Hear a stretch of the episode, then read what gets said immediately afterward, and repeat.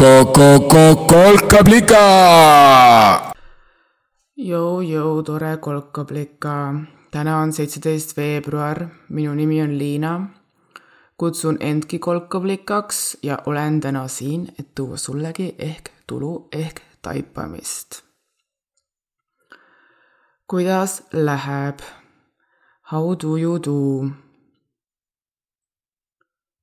Ma mäletan seda veidrat rahulolu rõõmutunnet, kui ma kord ammu õppisin inglise keeles, tunnis ma arvan, et viisakas inglane how do you do? Küsimuse peale ei hakka oma elu jahvatades äh, lahkama, vaid vastavadki sama küsimuse esitamisega. How do you do. How do you do, how do you do? mulle meeldis selle käitumiskoodi diskreetsus juhuu. keegi oli välja mõelnud, kuidas viisakalt lõigata mööda väikevestlustest, et jõuda ruttu asjani ja kui asja polegi, siis on nagu davai, asi ants paka, täielik unistuste maailm. ma pole eriline väikejutu, väikejutuvestja. vahel mulle meeldiks, et meie Kuidas käsi käib töötaks samamoodi. et võiks selle pea kohustusliku ootuspärase hästi sealt vahelt lihtsalt ära jätta ja ollagi nagu kas käsi käib, käsi käib ja asi ants. räägime nüüd asjast. kuidas sul päriselt läheb? ma tahaks täna rääkida ühest vapustusest, mis mul mõni aeg tagasi, täpsemalt neljapäeval jälle külas käis see vabustus ei külastanud mind esimest korda ja ausalt öeldes ma suure südamega lootsin, et see eelmine kord, see eelviimane kord siis nüüdseks, oli tõesti viimane kord, kui too vapustus jälle uksele koputas, aga no näed siis, sajabki lund. ja see sulab ära, aga lund ei ole, nii et äh, ei olnud ka viimane kord, käis jälle külas. see minu vapustus ja tema sugulased tema teised sugulased perenimedega näiteks Hood või Häired näiteks, on üldiselt vist täpselt niisugused asjad, mul on tunne, millest tavaolukorras, kui sulle esitatakse küsimus, kuidas läheb, rääkida ei maksaks. ja noh, kohati ka põhjendusega, sest ei peagi kõiki koorema oma, oma mingisuguste probleemidega, on ju aga samas mul on vahel ka tunne, et neist vapustustest, hoodest ja häiretest tihti üldse ei juleta rääkida või siis ei taheta kuulda näiteks või ei taheta, et teised kuuleksid. isegi kui see päriselt sinna küsimusse juurde on lisatud. mis on ka igatpidi igast nurgast mõistetav, sest kuu, nagu kuulajana ma tean omalt nahalt, et pole vast kõige lihtsam asi kuulda, kui näiteks su sõber või tütar, kellele sa tahad vaid head. et tal hästi läheks kuulda, et neil umbes ei olegi võib-olla kõik kõige rohkem eh, paremas korras. ja teistpidi vastajana siis, vastajana küsimusele, kuidas läheb, ma tean ka seda mingit piinlikkustunnet, seda soovi mitte näida ega ka olla, ma arvan lõpuks ja see inimene, kes jälle omadega kuhugi, ma ei tea, lumehunnikusse end kinni sõitis ja siis saas sealt oma sapakat välja, enne kui see puksiirauto nimega näiteks see vapustus äh, tuleb ja su siis sealt välja lõikab, on ju. no kõik need küsimused, miks küll mina ja miks mul alati midagi viga on ja miks ei võiks lihtsalt normaalne inimene ma olla. aga tead, ma olen siin jõudnud järeldusele, et ma olen normaalne inimene nii oma headel kui halbadel päevadel. normaalne inimene olen ma ka oma aeg-ajalt toimuvate vapustuste tõttu või vapustuste, vapustustest hoolimata. et see vist ongi elu ja kui miski on elu osa, siis normaalne, normaalne on sellest ka rääkida. nii et kopp-kopp, kes seal on? vapustus. mis vapustus? närvivapustus.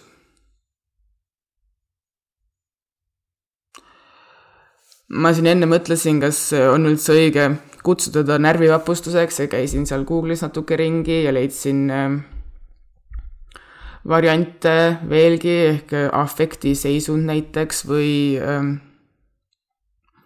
mis seal veel oli, personaalne häire. mu lemmik vist oli eksistentsiaalne äkkvõitlus episood. see viimane kõlab väga uhkelt minu arust aga ma lõppkokkuvõttes ma nimetan seda nii, nagu ma olen seda nimetanud alates sellest ajast, kui esimene neist mulle külla tuli, närvivapustus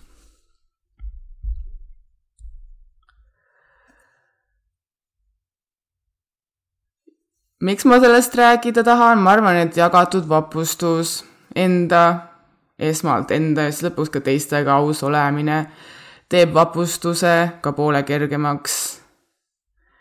lahutab sellest vapustuskogemusest selle tobeda häbipiinlikkuse. selle idee, et ma olen ikka nagu täiesti kuskil aia taga, kui mul niisugused asjad peal käivad ma arvan, et need vabustega ta sugulased ei tohiks olla niisugust piinlikkust äh, tekitavad. mõnel on nad hullemad, mõnel käivad nad tihedamini, mõnel käivad nad harvemini, mõnel on lihtsalt närvilisus peal, aga nagu kõik see on okei okay ja mitte seda häbipiinlikkust väärt. nagu ma arvan, et ei tohiks meil olla häbipiinlik selle üle, kui alati ei ole kõige toredam tuju või kui alati ei lähe nii toredalt hästi, kui tahaks või kui vahel tulebki väike ärritushoog peale, tuju on kuskil kratsida miskit, on ju. nagu räägin sellest äh, häbipiinlikkusest või üritan nagu sinnas suunas äh, ujuda praegu, seda, sellest häbipiinlikkusest, mis nagu paneb äh, ruttu ust kinni panema, kui keegi teine siseneb majja näiteks nad mingil juhul ei näeks, millega ma siin praegu tegelen või mis olukorras ma olen või ähm, noh, näeks, et ma ei olegi võib-olla nende arust normaalne. ma arvan, et ta, targem ja tervislikum on murevaiba alla lükkamisest äh,, lükkamise asemel see hoopis äh, sealt vaibalt välja tõmmata, olla nagu mingi jõu, mis tahad. kuidas me nüüd siin edasi lähme. ma arvan, et see on tervislikum, sest äh, muredele otsa vaadata, neid endale tunnistada, sest eks tegelikult see närvivapustuski, mis mul siin külas käis, vähemalt minu puhul tihti tuleb sellest, et sinna vaiba all on nagu liiga palju asju peitu lükatud et pole nagu aega nendega tegeleda, nii et las nad siis olla ja siis neid kuhjub nõnda palju, et järsku vaip on, tõuseb nagu õhku, on nagu mingi, ma ei jaksa enam neid asju siin peidus hoida. ja siis äh, nagu lendab ära see vaip ja siis äh, järsku oled silmitsi kõigi nende ka üheaegselt. ja noh, siis võib tõesti šoki saada sellest, on ju näha, mida kõike olen üritanud ära peita, millest kõigest olen üritanud mööda vaadata.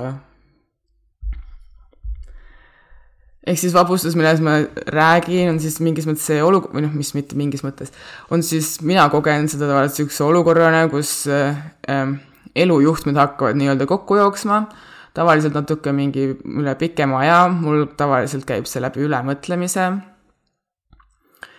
millele ma üritan tavaliselt normaalsetes oludes, miks ma arvan, et mul ka neid vapustusi on vähemaks jäänud, nii-öelda sabast kinni saada ja lõpetada ülemõtlemine enne, kui see üle käib. aga noh, iga uus kord on ju mingis mõttes erilisem ja uuem, nii et äh, vahel ei saa täitsa lõpuni hakkama. aga jah, siis äh,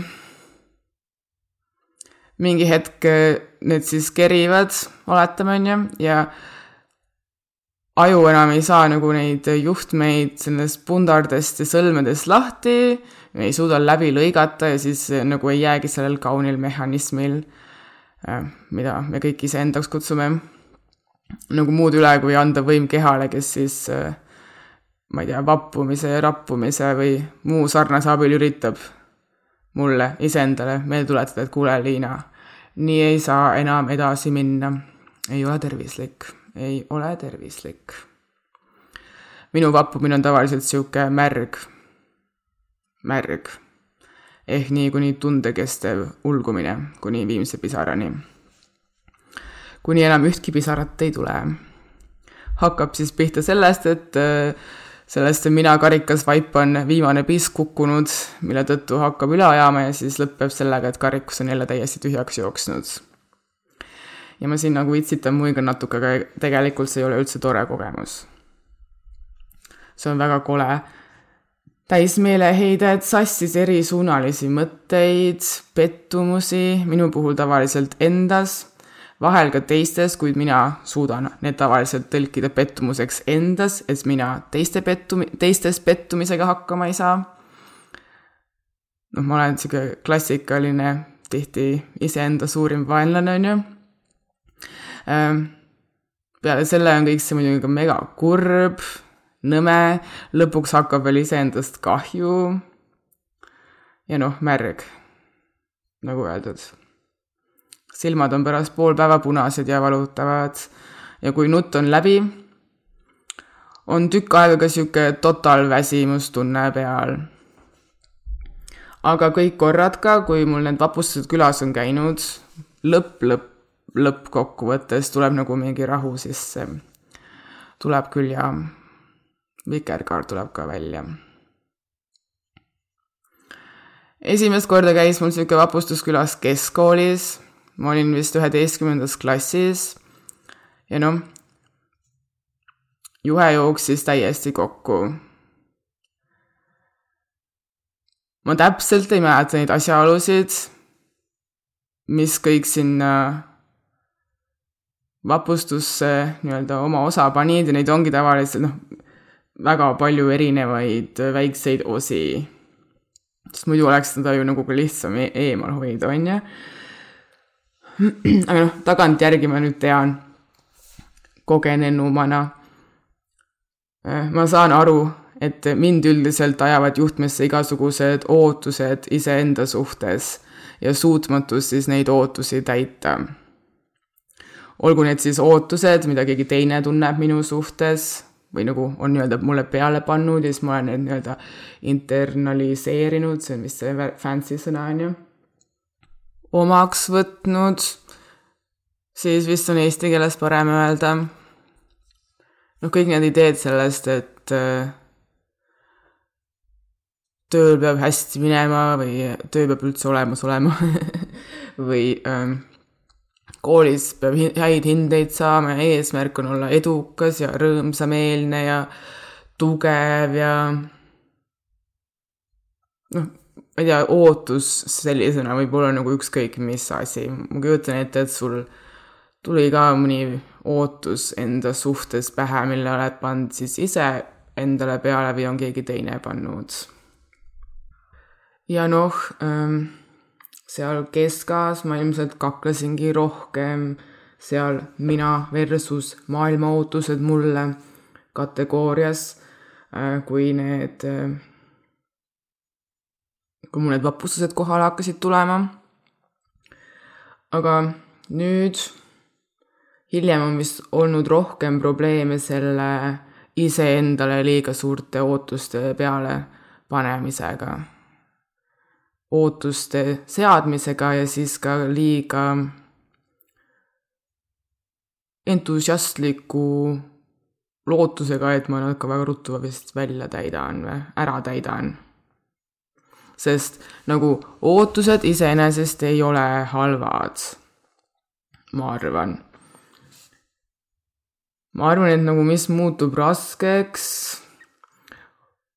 või nagu, mis võib panna ootused enda suhtes äh, nagu mitte motiveerivalt äh, motiveerima, noh, ootus või nagu mingi lootus peaks ju tegelikult motiveerima. See peaks olema see mingi põhjus, see miks, küsimuse vastus, miks sa midagi teed, on ju. aga see, mis vahel nagu ootused muudab niisuguseks nagu jätke mind lihtsalt rahule või nagu jäta iseennast rahule, mina ütlen tavaliselt endale, et nagu lõpeta ära, Liina um, see ongi see tempo, see on see kiirustamine. kui muutun kannatamatuks, umbes, et miks ma juba pole seal, miks tuleb kõik nii keeruliselt. Need kaks küsimust muideks on väga head alustusküsimused, kui tahate sukelduda ülemõtlemisse, nii et ma ei soovita neid tegelikult küsida ehk jah, põhimõtteliselt on minu jama, mis vapustusteni on mind viinud, see suutmatus olla nii tubli, nagu ma ise tahaks. või tundub, et keegi teine tahaks, et ma oleks. Seetõttu muide äh, mul selle tubli sõnaga just parimad mälestused polegi. sest ta nagu seostub mul nende eelnevate perioodidega, mis on siis nende vapustusteni viinud ja nagu ma ütlesin, need vapustused äh, mulle meeldiks, kui nad mulle tegelikult külla ei tuleks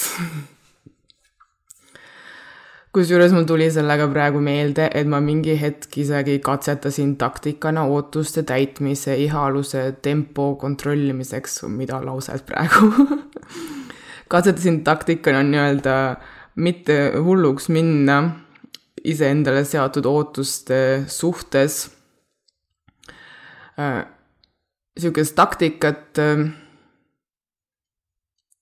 äh, et ma võtsin eesmärgiks püüu tubli olemise asemel olla mitte tubli. mitte tubli kolkovlika. loll, äkki ma peakski selle uuesti meelde tuletama.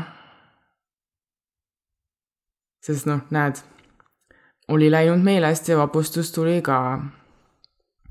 mitte tubli ma vist tegelikult mõtlesin selle mittetubli kontseptsiooni välja lugedes Luule Viilma ellujäämisõpetust, kuuendat vist, ma olen ainult kuuendat lugenud. Luule muideks on väga ilus nimi, mulle väga meeldib. Äh, ma täpselt muidugi jälle ei mäleta, mis ta rääkis ja üldse mul on tunne, et Luule Viilma, ma olen, äh, mul on tunne, et äh, Viilma ellujäämisõpetused on niisugused väga head raamatud, mida lugeda oma mõtete mõtlemiseks iseenda kohta, et noh, mingeid asju selgeks mõelda, kuidas olla kuidas ikka on olla normaalne inimene, on ju. mis seal kõik kaasa mängib.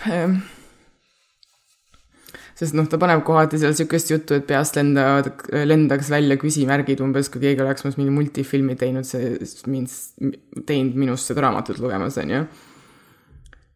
aga noh, need küsimärgi momendid, noh, need momendid, kus ta siis, äh, kus ma ise ikka üldse ei tea, kas tema ikka üldse teab millest ta räägib või kust ta võtab oma neid ideid, millest ta räägib, need ongi just need momendid, äh, kui saab siis minna nii-öelda uitama, otsima seda, mida ma ise tean, tajun või tunnen.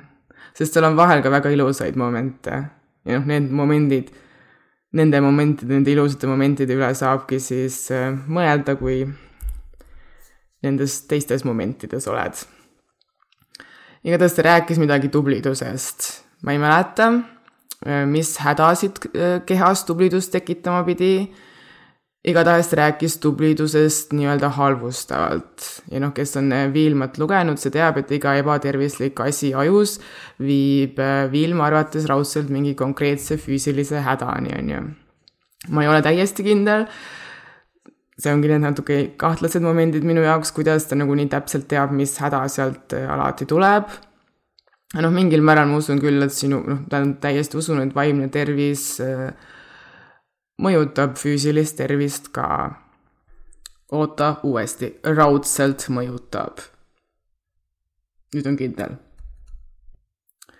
aga miks mulle see mitte tubliselt ilmselt kangastus nendel momentidel oli see, et äh, mulle väga meeldis ilmselt, et äh, keegi oli julgenud nii-öelda tublidusest rääkida kui äh, või tublidest inimestest rääkida kui potentsiaalselt haigetest inimestest.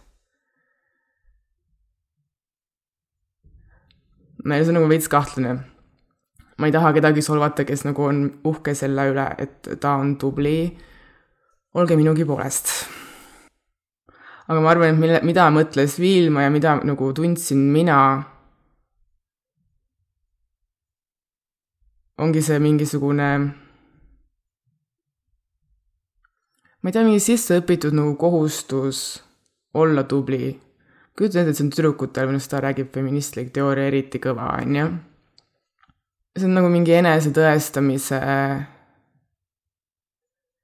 enesetõestamise vajadus vist või? ja just sihuke enesetõestamise vajadus, kus nagu äh, mingi väärtuse või ma ei tea, tähtsuse või ihaluses tundub, et äh, nii-öelda nagu mingi nende tubli, tubliduse saavutamine, tubli olemine ongi nagu ainus võimalus äh, endaga tore olla või end hästi tunda, et see hästi tundmine nagu noh, ma ei tea, ütle siis nüüd välja, Liina. mul on tunne, et nagu need tubliduse reeglid on väga tihti tulnud väljaspoolt äh, kellegi teise poolt sosistatuna peale, on ju noh, sellepärast arvataksegi, et tüdrukutel on seda tubliduse haigust nii-öelda rohkem, sest äh, esiteks, millised tüdrukud, ma ei tea, millised tüdrukud tänapäeval koolis saavad kiita, aga noh, minu ajal said ikka need tüdrukud kiita, kes äh, istusid vaikselt nurgas ja korralikult tööd tegid, nagu korralikkus, vaiksus, häbelikkus, nagu see oli see toredus, on ju. ja kui mingi, keegi nagu kuidagi kaldus kõrvale, siis nagu kaaktüdruk on nagu kõigile palju rohkem mingi, mis toimub, kui äh, ma ei tea, bad boys on ju, noh, bad boys on, las ta olla poisid, on ju. ja noh, siis mul ongi olnud vahel nagu mõtted, et äh, umbes nagu kui sa otsid korterit, vaata, ja siis on seal alati need äh, kuulutuses kirjas, et otsime sõbralikku, avatud, väga vaikset, nõusid pesevat äh, korterikaaslast, kes lärmi ei tee ja noh, üldse põhimõtteliselt ei käi kuidagi pinda, on ju. ja vot, nagu see ongi niisugune tubliduse idee minu arust, mis on nagu niisugune tavapärane ja mis mind tihti hulluks tahab ajada. sest noh, kõik me tahame endale korterikaaslast või ma ei tea, naabrit, kes äh, meid üldse ei häiriks, on ju. samas me teame, et ma vähemalt tean, mulle meeldib ka vahel täiega kõvasti muusikat kuulata, kõiki teisi pinda ajada. vahel ma tegelikult äh, ei suuda, ma ei tea, oma halbu tujusid äh, kinni hoida, näe, vahel isegi ei saa üldse endaga hakkama, tuleb mingi vapustus peale, on ju äh, noh, me teame, et kõik nagu tegelikult ju kuskil kannatavad, et see ongi nagu sihuke noh, mingil määral kannatavad, ma ei tea, kas see oli nüüd kõige parem sõna, aga noh, eks me kõik kannatame kogu aeg, on ju. ja mingil määral nagu see, see võiks ju nagu tõestada, et tegelikult nagu tublidus äh, noh, püüe olla tubli nagu ei tee rõõmsaks või? et püüe olla tubli on nagu väga tihti, noh, püüa olla kogu aeg kõiges tubli, saavutada produktiivsus, efektiivsus ja aja raiskamise nullkulu, on ju. noh, ei ole alati võimalik ja ei ole mõttekas ka, ma arvan, tegelikult mul on praegu see muidugi hästi meeles, sest mul on seda just oma, mu keha meelde tuletanud läbi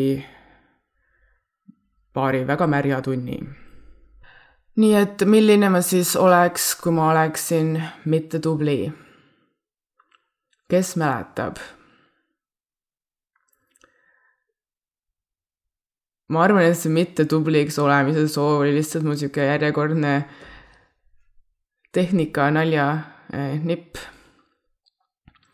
kontrollida siis neid äh, tubliduse ihasid või ihasid olla tubli, tublisid. ehk kui äh, ma enne rääkisin sellest, ehk kui ma enne rääkisin sellest internaliseerimisest või nagu enda omaks võtmisest, nii et äh, vahel nagu ei pane tähelegi, et äh, oled midagi nagu omastanud või uskuma hakanud, on ju, et siis on nagu niisugune vaheetapp enne uskumuste omaks võtmist. ja samal ajal ka nagu tänu sellele vaheetapile nagu tempo maas hoidmisel. ehk mitte tubli olles sa nagu noh, mitte tubli olemise eest ei saa keegi kiita, on ju. ehk siis, äh, siis on nagu tegelikult kuidagi suurem valik, kui üldiselt tulevad äh, nagu vihjed tubli olemiseks väljaspoolt, on ju. on suurem valik nagu, milliseid neid päriselt omaks võtta.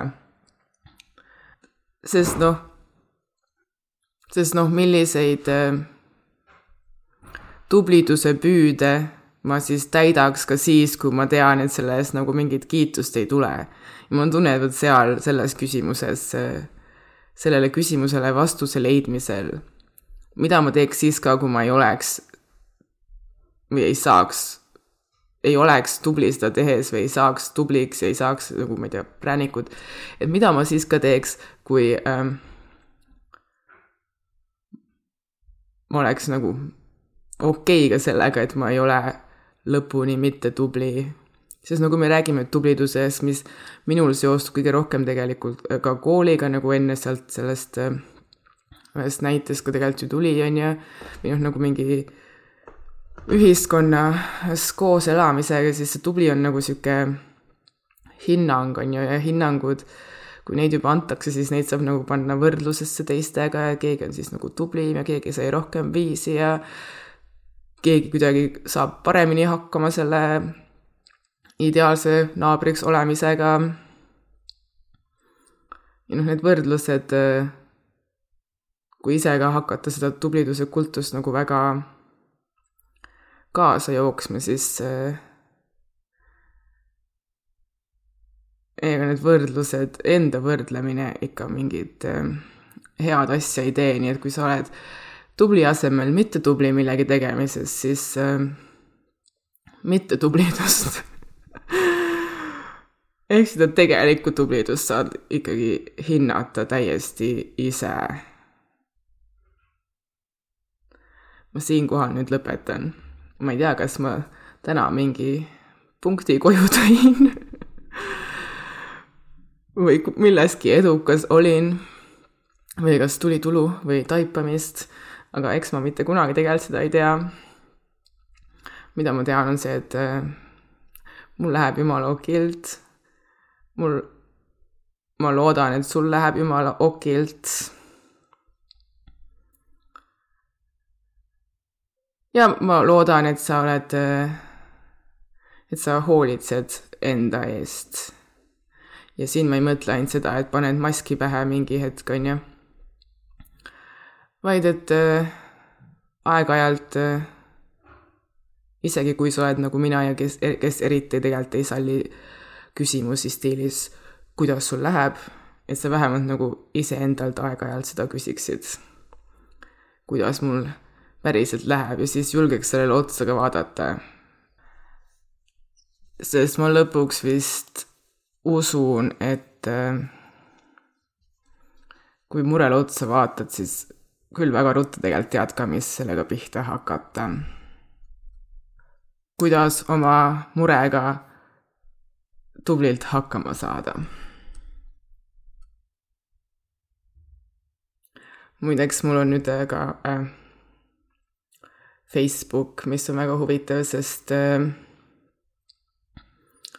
mul pole aastaid olnud Facebooki, ma olen seda kaks korda elus ära kustutanud ja noh, ma otseselt ei ole seal ka nagu päriselt isiklikult tagasi, ma ei jaga seal oma beebipilte, sest noh, beebisid ka ei ole, on ju, aga äh, kolkablika.raadiol on Facebook, kus ma siis jagan oma kunstniku beebipilte vahel ehk äkki mingeid äh,